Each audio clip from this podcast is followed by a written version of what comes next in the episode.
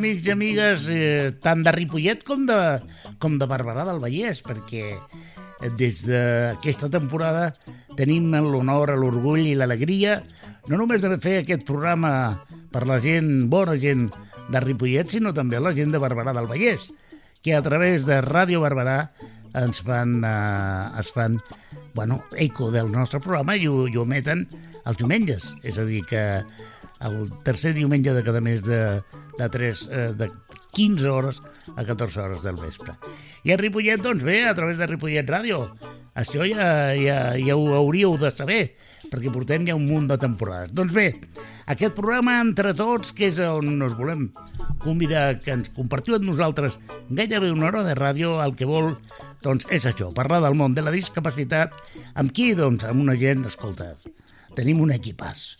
De fet, ja, ja els estan tentant la competència. Altres emissores volen fitxar els nostres col·laboradors i protagonistes, però ha, ha, tenen una fitxa i una clàusula de ratició en què no vegis. Comencem, com no, amb una genoflexió, amb una reverència absolutament, eh, diguem-ne, monacal, perquè eh, una de les principals col·laboradores és Carme Garrido, la presidenta de l'associació Entre Tots. Carme Garrido, molt bona tarda. Bona tarda, companys, oients, què tal? Com estàs? Bé, aquí fent ràdio i explicant i compartint les nostres experiències i les nostres alegries i les nostres queixes, de tot una miqueta. Una altra persona que no li faig genuflexió perquè no cal, perquè és un caballero de cap a peus, és l'Antoni Puparelli, que ens parla normalment d'economia i el que també vull donar una abraçada cordialíssima. Bona tarda, Toni. Bona tarda, en Alberto. Una abraçada també, que torno. El tot... eh, parla, parlarem aquesta temporada, a lo llarg dels propers programes, dels temes d'accessibilitat, de, sobretot de la vivenda, i d'assequibilitat, perquè el tema de la vivenda és important, és un tema econòmic, que és potser el més important econòmic d'una vivenda. I tant que sí. El Toni el tenim ara a Madrid, és una alma viajera, que diuen, eh? Algun dia explicarem què fa Madrid, però ara de moment no ho podem dir perquè és un secret, home, tens, no ho podem dir. Doncs bé, el que tenim, a la que tenim és una altra... La... Jo diria que la nova incorporació, però em penso que ja és com si hagués estat tota la vida a casa nostra. La Cristina Arroyo, una barbarenca de cap a peus que a més a més té moltes, moltes, moltes altres coses que mica en mica ens anirà desgranant. Cristina, molt bona tarda. Hola, bona tarda, què tal? Doncs eh, encantadíssim de que tornis a, a estar amb nosaltres. Ella és, ja ets un fitxatge, és a dir, ja saps que el contracte deia que dos programes ja ets una fixa de la casa. Bueno, per part meva, super, super contenta i, bueno, intentarem sumar tot el que puguem. Clar que sí. Bueno, la, la, la Cristina se'n va, però no del programa, no, no, no, es quedarà, però se'n va. Vull dir, bueno, això ja ho explicarem ara. Cosa sembla si repassem el sumari i comencem el programa d'avui. Doncs bé, el que tenim al sumari és eh, el dimarts, dia, dia, dia, dia, dia 11, Dia dia 10. 10, dia 10, mare de Dia Déu com 10. estic. Va haver-hi una concentració de, de, de molta gent que van reivindicar temes molt importants eh, el, bueno, i d'això ens parlarà la Carmen Garrido.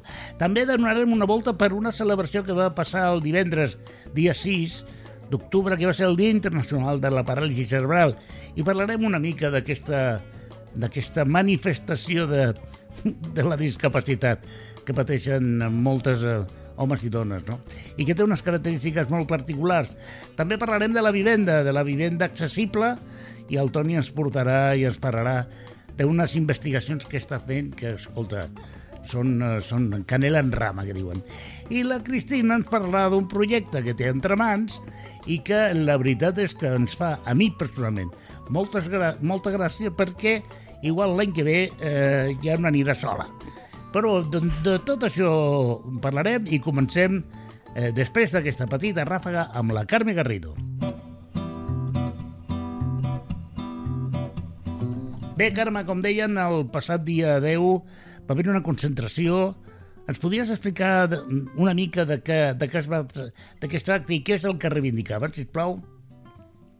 Doncs sí, Alberto, mira, les, va, fer una, va ser una concentració a la, a la via eh, Laietana i allà es van concentrar moltes famílies, molts pares, mares i familiars d'infants eh, perquè bueno, tenim un, un govern aquí a Catalunya que la veritat eh, està, ja fa massa temps que mira per una altra banda, fa massa temps que té molts temes aturats i un dels temes que té molt aturats és el, el decret de l'escola inclusiva. És un decret que està aprovat des de 2015, però no hi ha manera que s'incrementin els recursos i que, per tant, els infants que estan a, a l'escola ordinària, allò que diem l'escola inclusiva, que no és una escola especial, que la majoria d'infants, de nenes i nens, eh, poden estar a l'escola ordinària amb el suport i amb la, la col·laboració que, que necessiten de vetlladores, d'infermera, eh, el personal i les hores que necessitin, doncs, eh, doncs no hi ha prou diners. Mm, I clar, mm, així ja portem massa temps, no? I aquest any, a més a més, ara fa uns dies, doncs, la directora general d'Ensenyament doncs, va donar bueno, unes explicacions, considerant permeteu-me l'expressió, burdes, perquè va dir ens hem petat el pressupost com aquell que li explica al col·lega que s'ha anat una nit de festa i que s'ha petat X, X diners, no? O que el que s'ha anat de vacances i s'ha petat el, el pressupost. És a dir, Carme, perdona, que, a veure... Sí, sí, és que és, que és molt és que, fort. És que eh, eh, a la gent que s'incorpora ara, això és un programa seriós, no és un programa d'humor. Sí, sí. Perquè el que diu la Carme és veritat. És a dir, eh, ens hem petat el pressupost. Això qui ho va dir? La directora general d'Ensenyament de la Generalitat de Catalunya. Bueno, Aquí, és igual, no en mitjans de comunicació, eh? Això ho podeu recuperar, està a TV3. Per, perdona, Carme, perdona, Carme, continua, continua, és que de veritat. Sí, sí. Si entreu a les xarxes socials d'Entre de, de, Tots, a l'Instagram, al Facebook, al, al Twitter, ho podeu trobar perquè eh, aquesta setmana hem fet prou i molta difusió doncs per això, per donar suport a aquestes famílies que han dit prou i, i que no es pot consentir que aquest curs que acaba de començar no només no s'incrementa eh, l'import econòmic per eh, incrementar el, les hores de vetllador, de vetlladora que cada infant necessita per poder mantenir i portar un, un nivell adequat de, de la seva formació a l'escola ordinària, sinó que tot el contrari s'ha retallat. O sigui, aquest any, aquest curs que acaba de començar, els infants amb necessitats especials que tenim a les escoles ordinàries tenen menys hores de, de, de les seves vetlladores perquè li donin suport tant a les hores lectives com a les hores de, de, del pati o del dinar o d'extraescolars. Però sobretot a les hores lectives que són obligatòries, doncs eh, els se'ls han retallat. I clar, aquí les famílies doncs, han dit prou, ha arribat a un punt de no retorn i també també les famílies han dit anem a petar la via Augusta, anem a omplir-la de gent, i és el que van fer el, el dimarts, si, si heu estat atents a, a les notícies, eh, ha sortit a tot arreu, i per tant, des d'aquí, doncs, de, des d'entre tots, òbviament, i des de la Federació Ecom, que sabeu que estem federats, doncs eh, donem tot el suport a, a aquestes famílies perquè, perquè no, hi ha, no hi ha dret, no? Amb els diners. No expliquen, diuen que s'han petat els diners, però no expliquen números la Generalitat. Que expliquin en què s'han petat els diners, perquè són molts els que arriben del govern central, són molts els que arriben de la, de la Unió Europea. Per tant, que surti la directora general dient ens hem petat el pressupost, bueno, en què? que ho expliquin bé, perquè evidentment a les famílies no ha arribat, no? I clar, això és un tema d'aquesta setmana, però és que si parlem de, de dependència o parlem d'assistència personal o parlem de, de temes laborals, eh, estem a les mateixes. Vull dir, és que no arriben els diners, però en canvi estem veient que hi ha molts recursos per a altres moltes coses que, que totes, totes, eh, tots els sentiments i tota la ideologia és respectable, però hi ha necessitats i necessitats. I la veritat, mm, Mira, jo personalment, companys, quan sento parlar de llibertat, pues, em fa més ràbia. Em fa més ràbia perquè a mi que em parlin de llibertat eh, dels països catalans o del que sigui, però aquestes famílies no poden gaudir de la llibertat de portar els seus fills allà als centres on, on ells vulguin, que estan a prop de casa o no, però és, eh, i amb l'atenció que ells necessiten, doncs la veritat, on queda la llibertat? De quina mena de llibertat i per qui és la llibertat que, que proclama aquest govern? Estem molt enfadats. A veure, jo com a...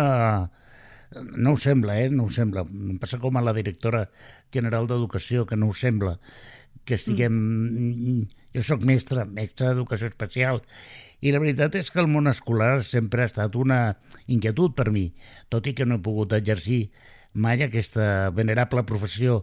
Però hi ha una, hi ha una controvèrsia de, i una, jo penso que una confusió gran quan es parla d'escola inclusiva. Ens passa una mica com a l'assistent personal, no? Que no sí. queda ben clar què vol dir. Mm. Doncs jo crec que l'escola exclusiva, clar que no funciona. No funciona, però no funciona perquè els que han d'apostar no aposten, perquè es peten el pressupost. Ah. Enteneu? És a dir, com es pot avaluar un sistema educatiu, un model d'escola, si no el posem en pràctica? No, és que segur que no funcionarà. Bueno, com se sap això? I de sistemes educatius hi ha molts, la majoria tenen un darrere una filosofia que justifica la pràctica d'aquest model, no? Des de la famosa frase de la letra con sangre entra de Santo Tomàs d'Aquino, doncs fins als eh, models més, eh, diguem-ne, progressistes, més atrevits eh, de l'actualitat. Però l'escola inclusiva no es tracta de que funcioni bé o funcioni malament. És un dret. Exacte. L'escola inclusiva és un dret. I, I és un dret de la infància. Per tant, I que beneficia a tothom. Això està claríssim. Això està claríssim. El que passa... Però no tothom ho té tan clar, Alberto. Bueno, clar, evidentment, perquè és un problema de... És que no han ni de pensar com es fa. Ja està escrit. L'únic que han de posar els mitjans per poder-ho fer. Correcte. Òbviament, eh, quan una escola genera tant de fracàs escolar i té una problemàtica tan gran, molts diuen, clar, és que en una escola amb tant de fracàs escolar, ara a sobre li posarem tot el tema de la inclusió. Escolta, és que haurien d'estar ja dintre. No es tracta de cara ens deixeu entrar, és que hem de ser-hi des del començament de, dels temps. I això és una cosa, un concepte, i perdoneu com posi una mica filosòfic, que no s'acaba d'entendre. És a dir, les persones amb discapacitat són persones. En tant quant persones tenim uns drets ineludibles, inalienables. És a dir, no hem de demanar permís per entrar. És que hauríem de ser dintre, com qualsevol altre ésser humà. Per tant, eh, i això eh, es pot aplicar a l'escola, es pot aplicar a la vivenda, que parlarem més tard, es pot aplicar en qualsevol aspecte de la vida. És a dir, la nostra reivindicació no és nova. És que en el mateix moment en què l'home i la dona s'estableixen com a comunitat en l'època prehistòrica, els drets de les persones amb discapacitat ja hi són, o ja haurien de ser. Per tant, no és una cosa nova que apareix amb la Convenció del 2006. El que fa la Convenció és una, donar una clatellada, dir, ei, que, que, que he, de fer una, he de fer una convenció parlant dels drets de les persones amb discapacitat en el segle XXI? Aquestes alçades ho he de fer? Doncs sí, però és que això no és el pitjor. El pitjor és que ho fa. I com qui escolta ploure, no?, que diuen, com que no hi ha llover, que es diu en castellà. Per tant, eh, escola inclusiva per descomptat. Perquè si no és inclusiva, no és escola. A veure, Cristina, digues alguna perquè jo m'estic posant molt nerviós. Bueno, que, que, que jo crec que a part dels recursos que, que òbviament no arriben i no, i no tenim, jo crec que també hi ha bastant ignorància en el tema de la discapacitat, perquè una persona amb discapacitat eh, normalment sempre s'associa a eh, ha d'anar a un col·legi amb necessitats especials. I hi ha com un vacío legal de nens i nenes que eh, a l'escola ordinària no tenen els recursos suficients per poder doncs, eh, facilitar la seva, la seva vida diària un, al col·le, a l'institut o on sigui, i per altra banda els porten a col·legis especials on a lo millor la seva patologia doncs, no, no entra dins del perfil de persones amb discapacitat doncs, que, que poden acollir en aquests eh, tipus de, de centres. Mm -hmm. No, i, I a més a més, i companys, hi ha un, un tema afegit que és clar, si un centre ordinari, que és, se suposa inclusiu perquè hi ha professionals unes determinades hores, se li retallen aquestes hores dels professionals, els alumnes que, fa, que, que estan en aquell centre no es, poden, no es fan fora quan no hi ha la vetlladora o el vetllador. Vull dir, queden allà. I aquesta és una responsabilitat que recau amb la resta de professionals eh, de, de l'àmbit educatiu, la resta de, de professors, i, i que no tenen, a lo millor, aquesta formació tan específica o no tenen tantes hores per poder dedicar-li. Aquí estan actuant en contra de les famílies, en contra del, directament dels infants, però en contra també dels propis professionals que han de eh, multiplicar-se en temps i hores i forma per poder atendre a, a aquests infants. O sigui, és que les paguem totes per tot arreu. Vull dir, és el... I, tot... I encara, i, i és, sí que és veritat que hi ha molta desinformació, molta de... informació n'hi ha, però ens, ens hem de creure i tirar-la endavant. Perquè, clar, que encara eh, trobem a vegades a segons quins puestos que hi ha famílies que recullen signatures a les portes de l'escola perquè no volen que a l'escola del seu fill hi hagi altres infants que tenen alguna discapacitat, no sigui que, que li pugui enganxar alguna cosa al, al meu, home, és molt greu, és molt greu. Jo crec, sincerament, companyes i company, que el que posa de manifest l'escola inclusiva, el que treu és aixeca l'alfombra i treu tota la porqueria que té el model educatiu, que en alguns aspectes és molt interessant, que és molt ambiciós, però en d'altres té molta fallida. I un país que no inverteix en educació és un país que, i a més, perdoneu-me que dongui aquesta coletilla política, però és que ho tinc claríssim. El país que no inverteix en educació és un país que vol manipular a la seva gent. Perquè el que el fa qual? lliure a la gent és l'educació, és la formació, és el llegir. És... Per tant, si no inverteixo en educació, alguna cosa he d'amagar. Per això tots els governs polítics el primer que fan és eh, controlar l'economia i controlar també l'educació perquè és una manera de controlar i manipular la gent, no?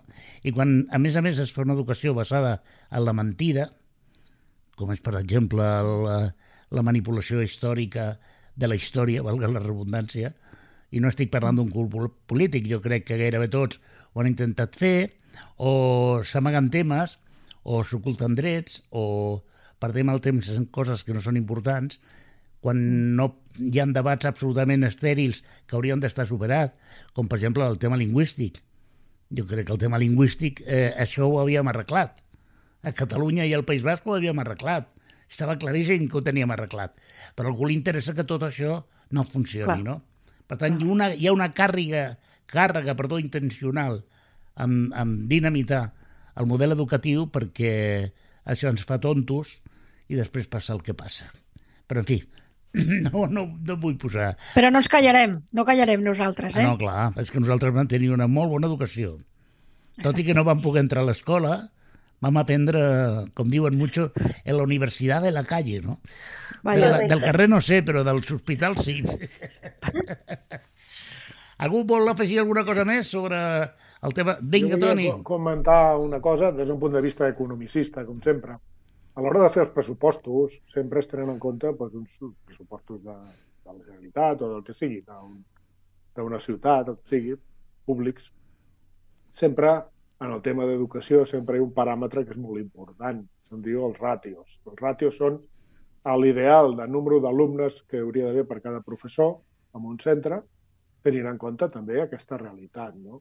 Resulta que, per exemple, per aquest any s'havien promès que, que, que millorarien els ràtios, o sigui, el número d'alumnes per, per professor, i han anat al contrari. No? O sigui, a més a més de no fer-la inclusiva i només, a més a més això, no? Amb la qual cosa un diu, bueno, però si hi ha uns diners, hi ha un no sé què, i resulta que baixeu els ràtios, o sigui, augmenteu el número d'alumnes per persona, diu el, professor, diu, aquí hi ha alguna que falla, què s'han destinat els diners, no?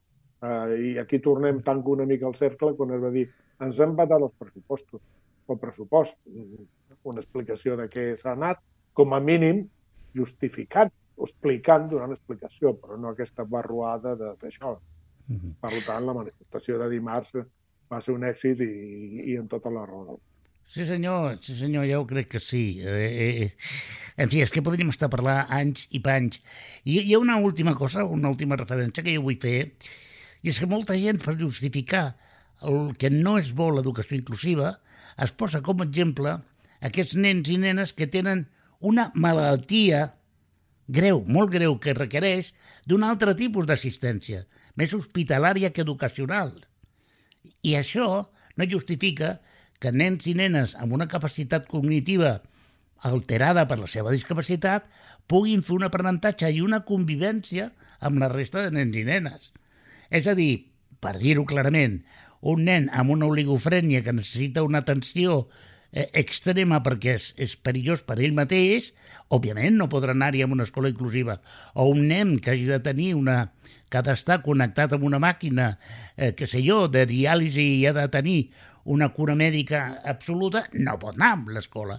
Igual que no pot anar a l'escola un nen que, que cau i es trenca una cama i ha d'estar un parell de dies a casa amb unes crosses. És a dir, el nen que ha d'anar a l'escola, independentment de les seves capacitats, ha d'anar-hi, té dret a anar-hi. Altra cosa és que tingui altres necessitats, que no són educatives. D'acord? I moltes vegades l'escola, per justificar que no és inclusiva, apela a aquests casos. Casos extrems de nens i nenes que tenen unes necessitats d'assistència clínica, diria jo, diferent. I hi ha un tema, hi ha un tema que es parla poc. Hi ha molts nens i nenes, malauradament, i cada vegada més al nostre país, que només dinen a l'escola. D'acord? Aquests també necessiten una escola inclusiva, que treballi no només el, el, el coneixement, sinó també la cura personal. I quan arriba l'estiu, nens i nenes ho passen molt malament. Sobretot quan no hi ha esplais que tinguin menjador. És a dir, són temes que demostren que el nostre model educatiu ha de créixer. Ha de créixer en, en, en moltes direccions. Per descomptat en, el, a la direcció inclusiva. Però hi ha d'altres també que no podem oblidar, no?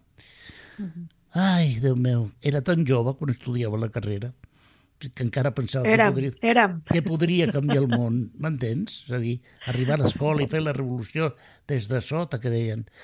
Ai, però ens hem fotut. Però bueno, és que si hem de compartir el mateix món i la mateixa societat, el lògic és que ens eduquem junts i que creixem junts. I així, quan arribem a adolescents i quan arribem a adults, doncs ja no ens estranya trobar companys que, que tenen una discapacitat a la feina, a l'edifici, al cinema, a la discoteca, allà on sigui, mm perquè són persones i convivim junts. I aquesta normalitat, que és això, que és normal, per què costa tant d'entendre? Tant d'entendre i d'acceptar. Això és veritat. Bueno, què us sembla si canviem de tercio, que diuen els, els toreros, i parlem d'un altre, d'un altre culet de que duri do. Vinga, parlem ara de la paràlisi cerebral.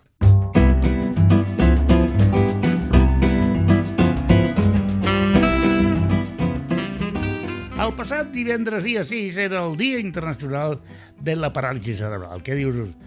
Escolta, aquests dies, eh, no sé si ho sabeu, però gairebé totes les malalties del món mundial tenen un dia mundial. Suposo que perquè algú diga, escolta, que jo tinc no sé què, oi, que jo tinc no sé quants, no? I en el cas de la paràlisi cerebral, doncs, també té el seu dia internacional. La paràlisi cerebral, i si em permeteu que ho expliqui una mica, tot i que nosaltres quatre estem, sabem perfectament el que és, no és que el cervell tingui una paràlisi, és que hi ha una lesió que afecta una part del cervell, normalment eh, eh, provocada a l'hora del part per una, el que es diu una agnòsia, és a dir, una falta d'oxigen eh, durant el part, i això afecta bàsicament a, a, a neurones del cervell. Però no, no vol dir que tinguin un cervell parat, ni molt menys, sinó que hi ha zones molt concretes del cervell que es van, eh, van tenint problemes el, no vull posar-me així xulito, però és un tema que conec força bé. I la primera àrea cerebral que s'afecta és la de la parla. I dificulta molt la parla, però no perquè no sàpiguen parlar, és que no poden articular els muscles de la garganta de la mateixa manera que tenen dificultats alguns per, per menjar, per tragar, però no perquè no sàpiguen, sinó perquè no poden manegar els músculs de la garganta. Un altre símptoma clar és el que es diuen o bé les paratonies o les tintinèsies. Què és això? És engarrotaments musculars que impedeixen relaxar la cama o les mans o els braços i això impedeix que pugui tenir una deambulació normal, d'acord? I a vegades, quan el tema va més enllà, tenen moviments incontrolats, que es diuen les tintinèsies. I això dona un aspecte a la persona amb paràlisi cerebral que no és la correcta. Hi ha persones amb paràlisi cerebral que no tenen capacitat intel·lectual? Clar. Però jo pregunto, davant del dubte, per què els hi parlem com si fossin idiotes? Si no ho és, és a dir, si la persona amb la que estic parlant, que té un aspecte baveja, es mou incontroladament, no pot parlar, per què no li parlo normal i corrent? I si no se n'entera perquè té una discapacitat intel·lectual, què problema n'hi ha? Cap ni un.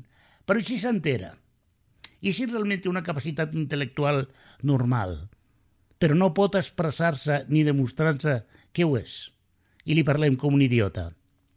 Qui és l'idiota en aquest cas? Ens sorprendria veure la capacitat i la... com mm, mm, conviuen en aquesta absoluta presó que és el seu cos. Sí. És a dir, és increïble. A mi és un tema que que que em treu de polleguera. És a dir, imagineu-vos, vosaltres, eh, que esteu escoltant el programa, que si l'escolteu vol dir que ja sou gent sensible i que té una certa sensibilitat vers el, el tema de la discapacitat, imagineu que un dia us aixequeu i resulta que no podeu tenir unes ganes de fer pipí tremenda, però no podeu cridar a ningú perquè us ajudi, perquè no podeu parlar, i no podeu anar al lavabo perquè no podeu caminar.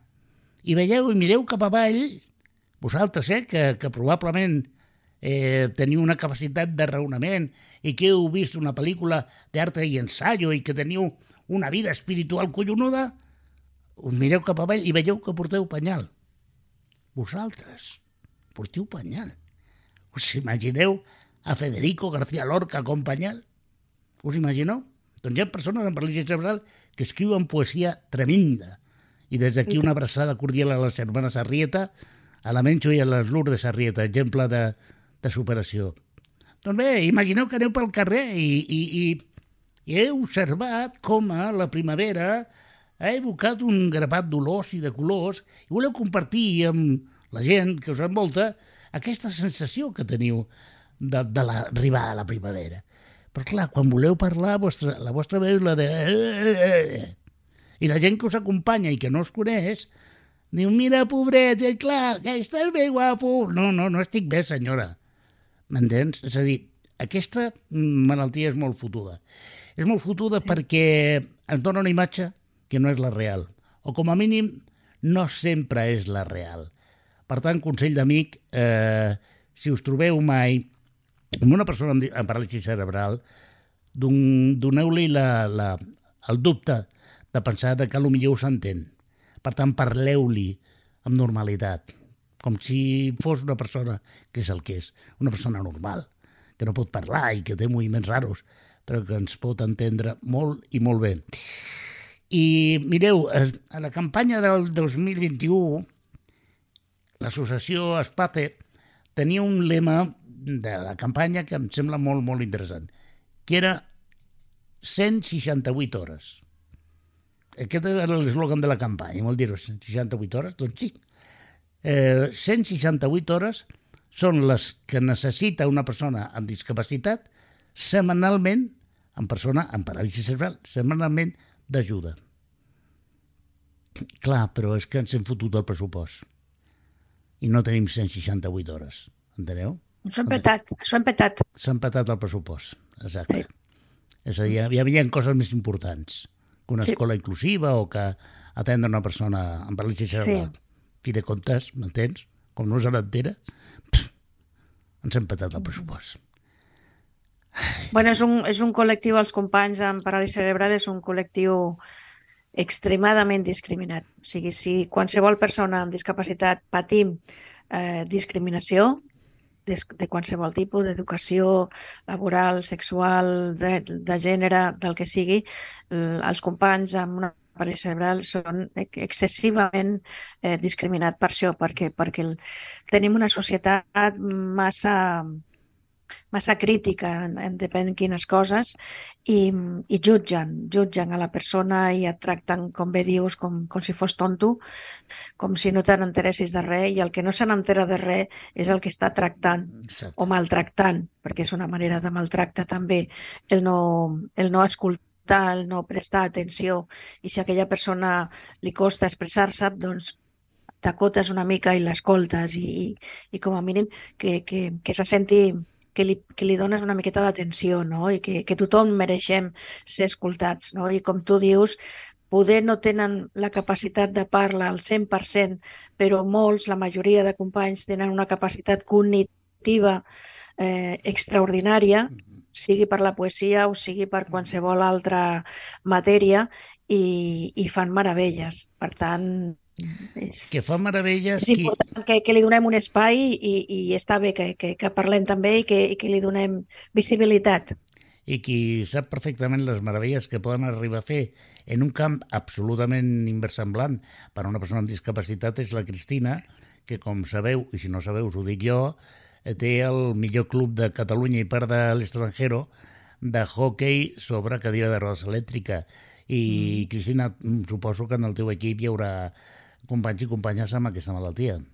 Sí, sí, sí, sí, sí correctament. I, i bueno, eh, és el que, el que jo sempre dic, no? I, i curiosament tinc el, el, el cas de fa poc d'un company que estava que estava a l'hospital i, i bueno, el, vaig, el vaig trucar per saber una mica com, com estava i tal, i, i ell em deia, Cris, és que me tratan de tonto, perquè arriba el metge i, i, i li dona la informació a la meva assistent i no em motiva a mi directament.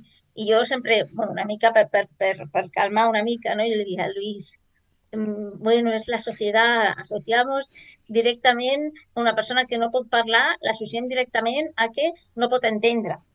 I, i no és així.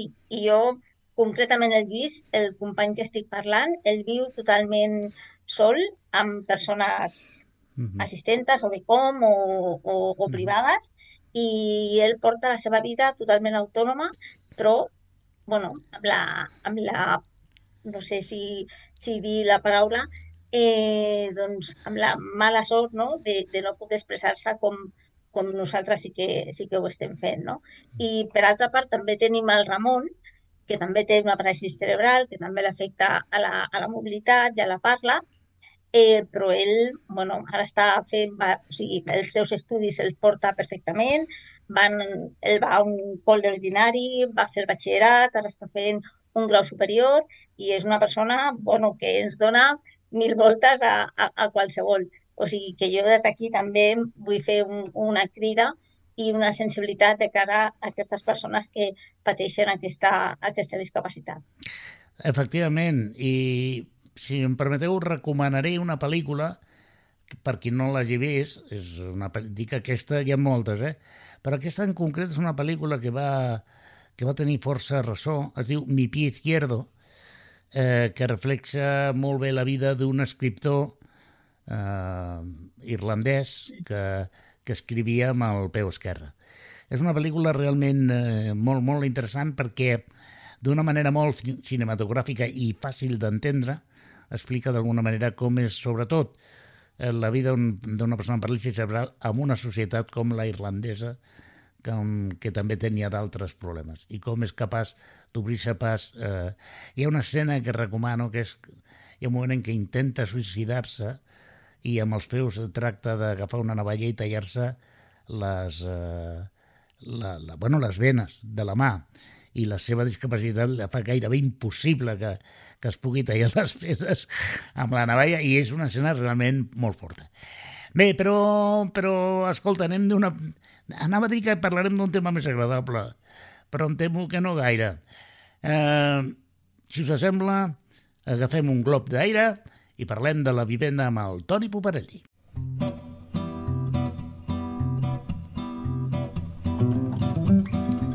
Bé, Toni, eh, escolta, imaginem, eh? Imaginem, per imaginar. Jo, una persona jove, atractiva, amb discapacitat, vull anar a viure amb una altra persona jove, atractiva, també amb discapacitat. Escolta, on trobem vivenda per, per anar a viure? Com, com ho tens, això? Ui, això és difícil. Si per la majoria de gent, almenys que tingui molts, molts diners, resulta molt difícil aconseguir una vivenda per viure, per fer el seu projecte personal a la ciutat que vol viure, el seu entorn o entorn de feina, el que sigui, ja té moltes dificultats. Imagineu que només un 4% de les vivendes que hi ha disponibles en el mercat, en els portals eh, de tipus eh, de tipus idealista i de més, pues, només amb un 4% hi ha la ressenya, una marca, controlada per ningú, eh, que diu que la vivenda és accessible. Imagineu. No? I imagineu que, lògicament, al haver menys vivendes d'això, doncs, lògicament el preu augmenta. No? Moltes vegades les vivendes eh, en les ciutats grans, on el preu de la vivenda és més elevat, aquestes vivendes encara costen més. Costen més de, de trobar de diners. I llavors una persona amb discapacitat pot costar-li, imagineu, a part de diners, un, tenir que anar a viure forçosament més lluny del que ella voldria, inclús amb les seves limitacions de mobilitat, doncs encara agreuja més la situació. No? Fa un any i pico, un any i escaig, va, vaig fer un recull, una mena d'experiment, de, de buscar, portar l'idealista una sèrie de poblacions, Ripollet, Barcelona i alguna més, Vilafranca, eh, quina, o àrees, zones, comarques, eh, quina disponibilitat, quin percentatge de vivendes, agafant una vivenda estàndard, un model, 80 metres quadrats i de més, per veure com estava el mercat aquest. Ara voldria fer, en aquest, al llarg d'aquest curs, el proper mes, el mes o el mes, dos mesos següents, una comparativa, de nou, una recerca, i una comparativa de com estava aleshores, que ho tinc recollit, i com està ara, per veure com ha evolucionat.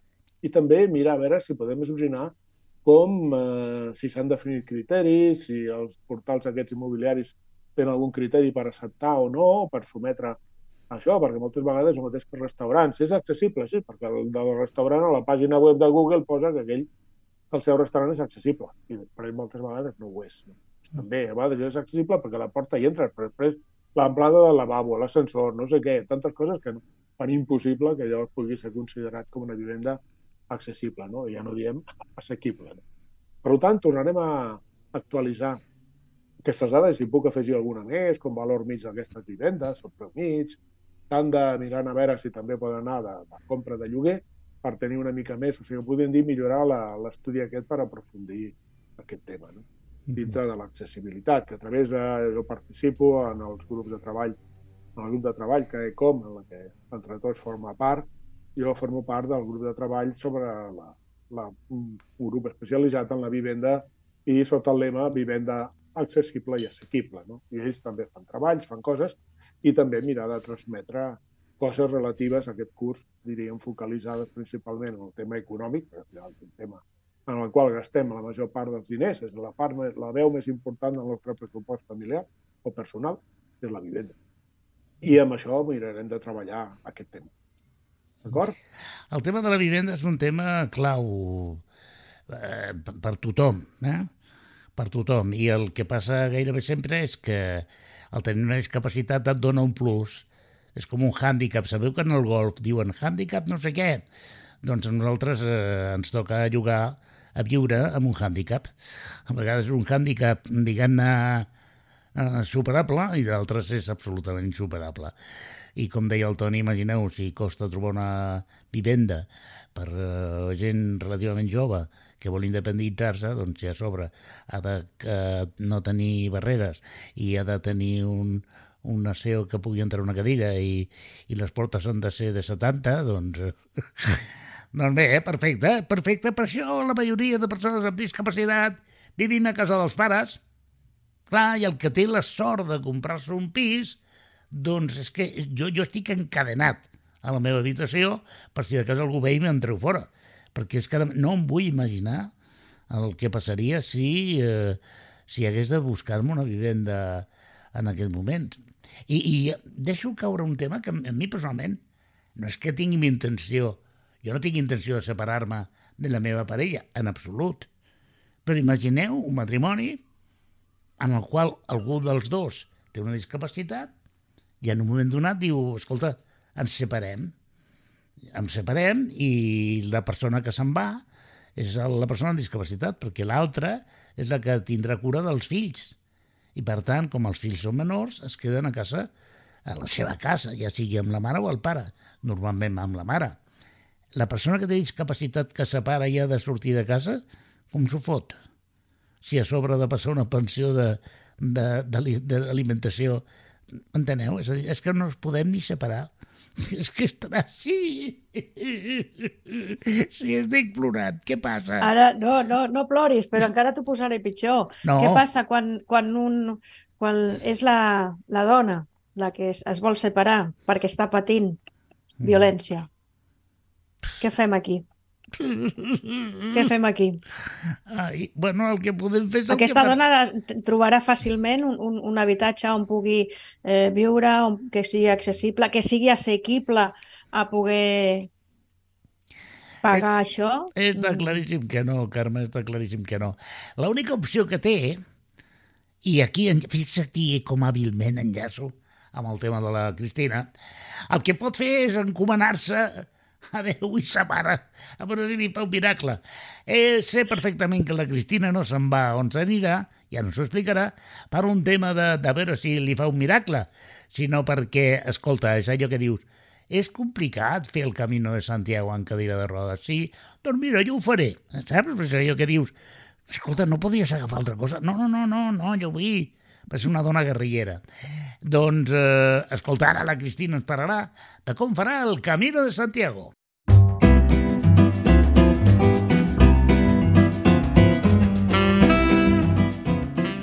A veure, Cristina, sisplau, m'ho pots explicar? Però, però què t'ha passat a tu? És que no estàs bé a Barberà, que t'has d'anar tan lluny a fer un camino tan complicat. Bueno, jo, tu ja saps que jo soc molt barbarenca, a mi m'agrada molt la meva ciutat, però sí que és veritat que he trobat l'oportunitat eh, arrel d'una entitat de Malgrat de Mar, que es diu La Nocturna, que bueno, tenim allà un, el Manolo, que, que bueno, tenim el contacte amb ell directament perquè és eh, àrbitre de, de, de l'hoquei nostre de cadira de rodes, i bueno, és un home que cada any eh, doncs fa un tram diferent del Camino de Santiago. I casualment eh, l'any passat, doncs, quan estava fent aquest tram, es va trobar amb una fundació que es diu Discamino, que bueno, la seva funció és facilitar eh, a les persones amb discapacitat doncs, que puguin fer el Camino de Santiago amb eh, cadires específiques per poder fer-ho. Vale? Perquè jo sí que és veritat que jo la meva ment una mica que a vegades és una mica locura, eh, jo sí que, bueno, sí que vaig una mica informar-me per, per veure si jo podia fer jo sola, amb amigues o amb la família i tal. Però sí que és veritat que amb cadira elèctrica és impossible perquè l'autonomia de la cadira, òbviament, no, no la dona i amb una cadira manual, clar, les rodes han de ser una mica específiques de muntanya i tal. I, bueno, ens van proposar aquesta, aquesta opció, tant a mi com a tres companys més de, de l'equip de l'ADB, i, bueno, estic tan il·lusionada a la part una mica cagada. també, també t'ho dic. Però, bueno, crec que és una experiència que serà súper. Eh, a part, eh, estic com, com reconfortada perquè sortim des d'aquí, de, des bueno, des de Malgrat i des de Barberà, 50 persones, entre persones amb discapacitat i persones voluntàries. I, bueno, m'agrada i, i penso que encara eh, hi ha gent que sense cap ànim de lucre doncs està disposada a ajudar-nos i, a, i a empenyar de les cadires eh, per poder doncs, aconseguir eh, doncs, fer el Camino de Santiago. O sigui que si no passa res, el dia 4 sortirem cap a Vigo i començarem doncs, el dia 6. Les... Com aneu, com aneu que, fins a Vigo? No, fins a Vigo anem en, amb les furgonetes. Amb furgonetes, d'acord. Ja teniu sí, sí, allotjament per, per la gent que aneu? Sí, aquest, aquest és el major hàndicap. És que aquesta, per això t'ho pregunto. Clar, clar, aquest és el major hàndicap, que trobar un allotjament, un alberga, el que sigui, per persones amb discapacitat que, que una mica tingui les necessitats mínimes per persones en cadira de rodes, com el que estàvem parlant abans, doncs tenim un. Mm. Què hem de fer? Sortirem des d'un punt, acabarem l'etapa i tornarem cap enrere. Molt bé. El dia següent començarem a la segona etapa, acabarem la segona etapa i tornarem cap enrere. I així ho farem. Vale. Aquest és el, el major hàndicap, sí. Sí, És tremendo. perquè no, no hi ha allotjament en cada, en cada etapa per, per assumir doncs, tanta gent, tant persones amb, dis amb discapacitat com la, el volum de persones voluntàries que venen amb, amb nosaltres. Mhm. O sigui, dobleu la distància, perquè aneu i Correcte. torneu cada etapa. déu nhi O sigui, eh, eh, farem l'etapa i les furgonetes aniran al final de l'etapa, ens agafaran i tornarem cap enrere. I així. Tenim ahí un, un despliegue eh, Ja. bastant important. Però bueno, I a Santiago també heu tingut problemes per trobar allotjament? A Santiago de Compostela? bueno, no sé, finalment, clar, no sé què farem si un cop arribem a Santiago, si ens quedarem allà o, o tornarem una altra vegada a, al, a l'allotjament que, que tenim ja contractat. Però bueno, sí que és veritat que és una experiència que, òbviament, és una prova que volem fer i, bueno, jo crec que, que ens sortirà bé. Serà, bueno, a vegades una mica eh, dura, però bueno, jo crec que ens en sortirem i finalment serà una experiència eh, súper. Eh, eh, bueno, Cri- Cristina, una pregunta. Has fet la motxilla ja? Eh, no, no, Que- això és cosa de la meva mare. Jo, I una pregunta. No. ten- Et queda espai a la motxilla? eh, per tu, Per nosaltres quatre, perquè Ah, bueno, volem sí, que ens sí, portis, bueno. que entre tots vagi amb tu també amb aquest camí, que ens vagis de... Com Sí, anirem sí. amagadets a la motxilla no ho veurem, però tu ens explicaràs, d'acord? Amb un Bueno, racó ja- de la motxilla anirà entre tots i, i tu ens aniràs explicant, envia, no sé, en el moment que tu puguis o com una petita, no? Alberto, és això? I tant. I, Bueno, i, Que jo- es faci el- cada dia una miqueta un resum de l'etapa, no? Sí, jo el, el que volia fer una mica a nivell també personal meu, de cara a, les xarxes socials i tal, doncs fer una mica un resum de cada dia, doncs bé, una mica de, del que ens anirem trobant, no? I de les eh, necessitats o de les, no sé, no sé. Dels pros que i dels contres que, que te vagis trobant al camí. Correcte. Cristina, Doncs si, si ens autoritzes, Cristina, des de entre tots farem ressò, oi, Alberto, Toni, Oi, tant, aunque no nos per, autoritzi. per donar-li bueno, pues, visibilitat a, a, a aquesta aventura de, Correcte. de Una- la Cristina. Quantes que- persones aneu amb discapacitat al grup? Doncs mira, de l'equip nostre d'hoquei anirem Toni, Arnau, Ramon, jo, quatre, anirem quatre, cinc, perdona, en cadira de rodes cinc, després hi ha persones que venen que, que tenen algun tipus de discapacitat però sí que caminen. I la resta són persones voluntàries, perquè clar, pensa que cada cadira nostra eh, necessitem a tres persones. Una que tira des d'endavant i dues que empenyen des de, des de darrere. Però clar, s'han de fer mm, Perquè relevos. això ho hem d'explicar. Quan parlem de- Mm. d'aquest tipus de cadira de rodes per fer aquest Correcte. tipus d'etapa, no estem parlant d'una cadira de rodes típica, No. a l'uso. És diferent. No, no, no. Explica'm una miqueta com és aquesta cadira. Bueno, jo la que vaig provar en un principi és, una, és com una bici que Sí? porta davant com una cistella i porta com una cadira que pots posar el teu, el teu coixí de la cadira, més que res perquè són hores i has de bueno, una mica tenir la mateixa posició que més o menys tenim a les cadires. Després, doncs, la gent que pugui amb les mans, tenim com una mena de... mm, No és ben bé una handbike, però bueno, sí que té com un manillar que tu pots una mica doncs, o fer la direcció o una mica empenyar. Ajudar I una mica. després, sí, i després tenen, la, tenen aquesta de muntanya, com es diu? La mm, Jolet, no? Es diu Mhm. Jolet, Sí, aquesta que la sí, porten, sí. Doncs també tenim d'aquestes. O sigui que jo la que vaig provar una mica és la de la bici, però sí que el, el, el responsable de la fundació, ell sí que em va comentar doncs, que a ell sí que li, li agrada que participem de les etapes Clar. eh, tot el que puguem. O sigui, que no sigui anar amb el mòbil i fent fotos i colgant Que no, que no et portis, Instagram. sinó que tu participes de forma activa, clar, clar. Correcte. O sigui que encara que jo no tingui la suficient força per donar-li a la cadira, doncs si pot portar la, la direcció, doncs probablement portaré una cadira d'aquestes. Però bueno, això us ho podré aclarir més quan ja estigui allí. Eh, eh, Cristina, una pregunta escatològica. Vale, és que, clar, ui. molta gent mm, mm, mm, clar. pensa que la dificultat està en un lloc i a vegades se n'oblida de que la gran dificultat està en les petites coses. Imaginem que aneu enmig de, del camp, perquè a més a més les etapes a prop de Santiago són espectaculars i us entren gana de fer pipí.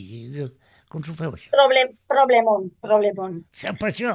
Perquè no podeu dir, escolta, eh, aneu tirant No. que jo paro aquí un moment, eh, m'arrossego una miqueta sota l'arbre i foto el que... No, mm, això Sí, està previst? és- Això, aquesta pregunta escatològica ja l'han fet des del primer moment nosaltres, eh? Però sí que és veritat que la bona fe, la bona fe de les persones, eh, bueno, ho veuen tot com molt senzill, no? Ah, no te preocupes, aquí te Oh, cogemos oh, entre cuatro. Sí, sí. Sí, claro. Això es diu molt ràpid, eh? Això es diu molt ràpid. Correcte. Eh, llavors, bueno, en un principi no, no tinc mm, res preparat per si passa això, però bueno, sí que mm, les persones, suposo que vosaltres també ho sabeu, les persones que no tenim la facilitat per poder anar al lavabo eh, doncs d'una manera autònoma, doncs eh, automàticament la teva, bueno, tot el cos intestinal i tot el que funciona, eh, doncs està acostumat a, a aguantar a llargs períodes sense anar al lavabo. És a dir, que jo, tenim per, aquesta jo, per capacitat. exemple, clar, jo, per exemple, la meva jornada laboral, jo entro a les 8 del matí i plego a les 3 i jo sé que puc eh, beure el cafè, dos gots d'aigua i poc més. I així aguantem tota la jornada. Però, bueno, jo penso que si passa, si passa, doncs trobarem la millor solució possible. És I que també, i també ho comptaré, eh? No us preocupeu que ho Això, quan ho fem, i, eh? a- això no t'ho he preguntat per morbo només, que també... Per això, No, no, no, que està bé, que està bé. Perquè molta moltes vegades la gent diu eh, bueno, treballa 8 hores. Bé, Mm. no, no, però, però pot pixar en aquestes 8 hores, pot anar a la màquina del cafè i treure un cafè, és a dir, pot tenir un... a banda de, del, de l'esgotament propi del treball, que és que s'han de preveure tantes coses que la gent no viu com, com no les considera i és la gran dificultat de ser una persona amb discapacitat. Si a mi entres Jo- a l'esglaó i em deixes entrar al lavabo, escolta, mira, la meva cadira és una anècdota, però si em poses esglaons i em poses lavabos que no puc entrar i, i doncs aleshores sí que sóc diferent. I sóc Però la- pitjor, i, i sóc... mm, m'emprenya. Ref- referent a aquest tema, jo sempre amb les meves companyes de feina, o companys, eh, bueno, sempre em diuen que aprenen molt, no? Des de que jo estic allà amb ells, que ja porto 23 anys allà treballant, doncs, clar, aprenen moltíssim de, de la vida que jo he de portar, no?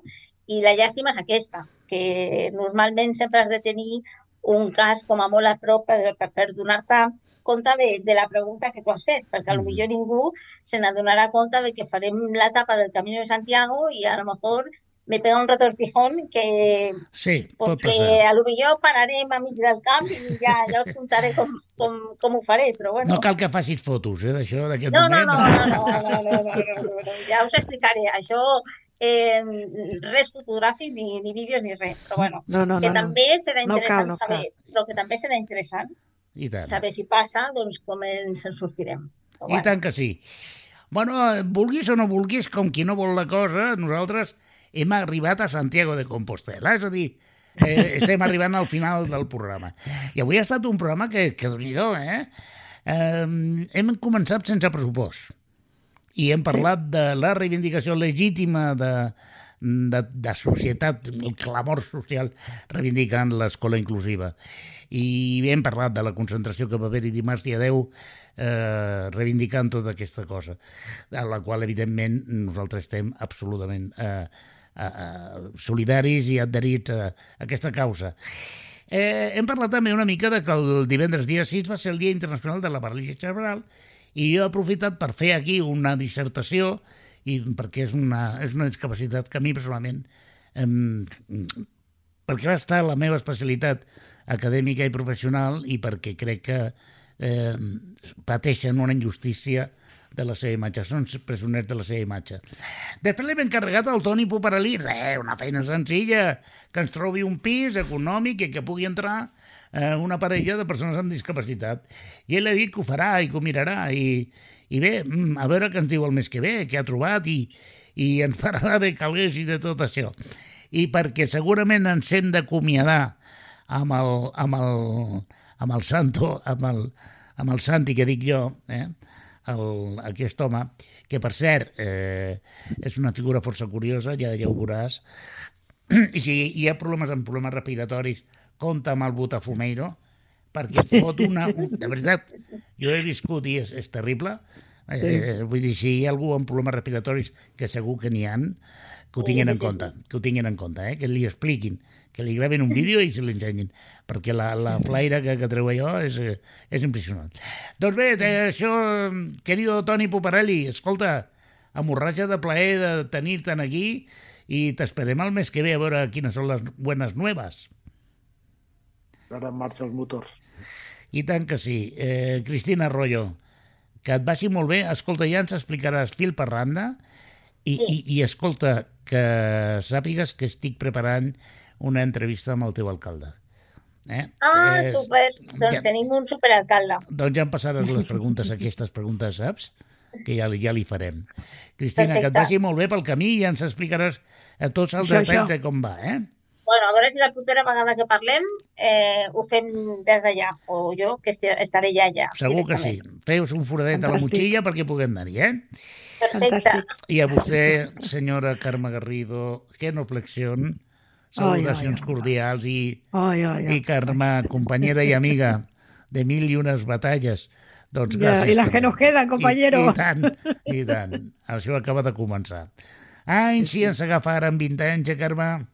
Ui, Mare de Déu, senyor. amb l'experiència que tenim avui, eh, company? això- Sí, com diu la, la gent gran. Ah, jo voldria tenir la teva edat, però sabiendo lo que sé ahora, eh? Oh, clar, clar, clar. En el meu cas, eh, tampoc pensis que hi ha molta diferència, perquè no m'entera gairebé de res. No, no, no, no siguis modest, no siguis modest. Doncs, eh, senyores i senyors oients de Barberà i de Ripollet, per allà on ens escolteu, una abraçada cordial i recordeu, entre tots no busca oients, busca còmplices. Còmplices.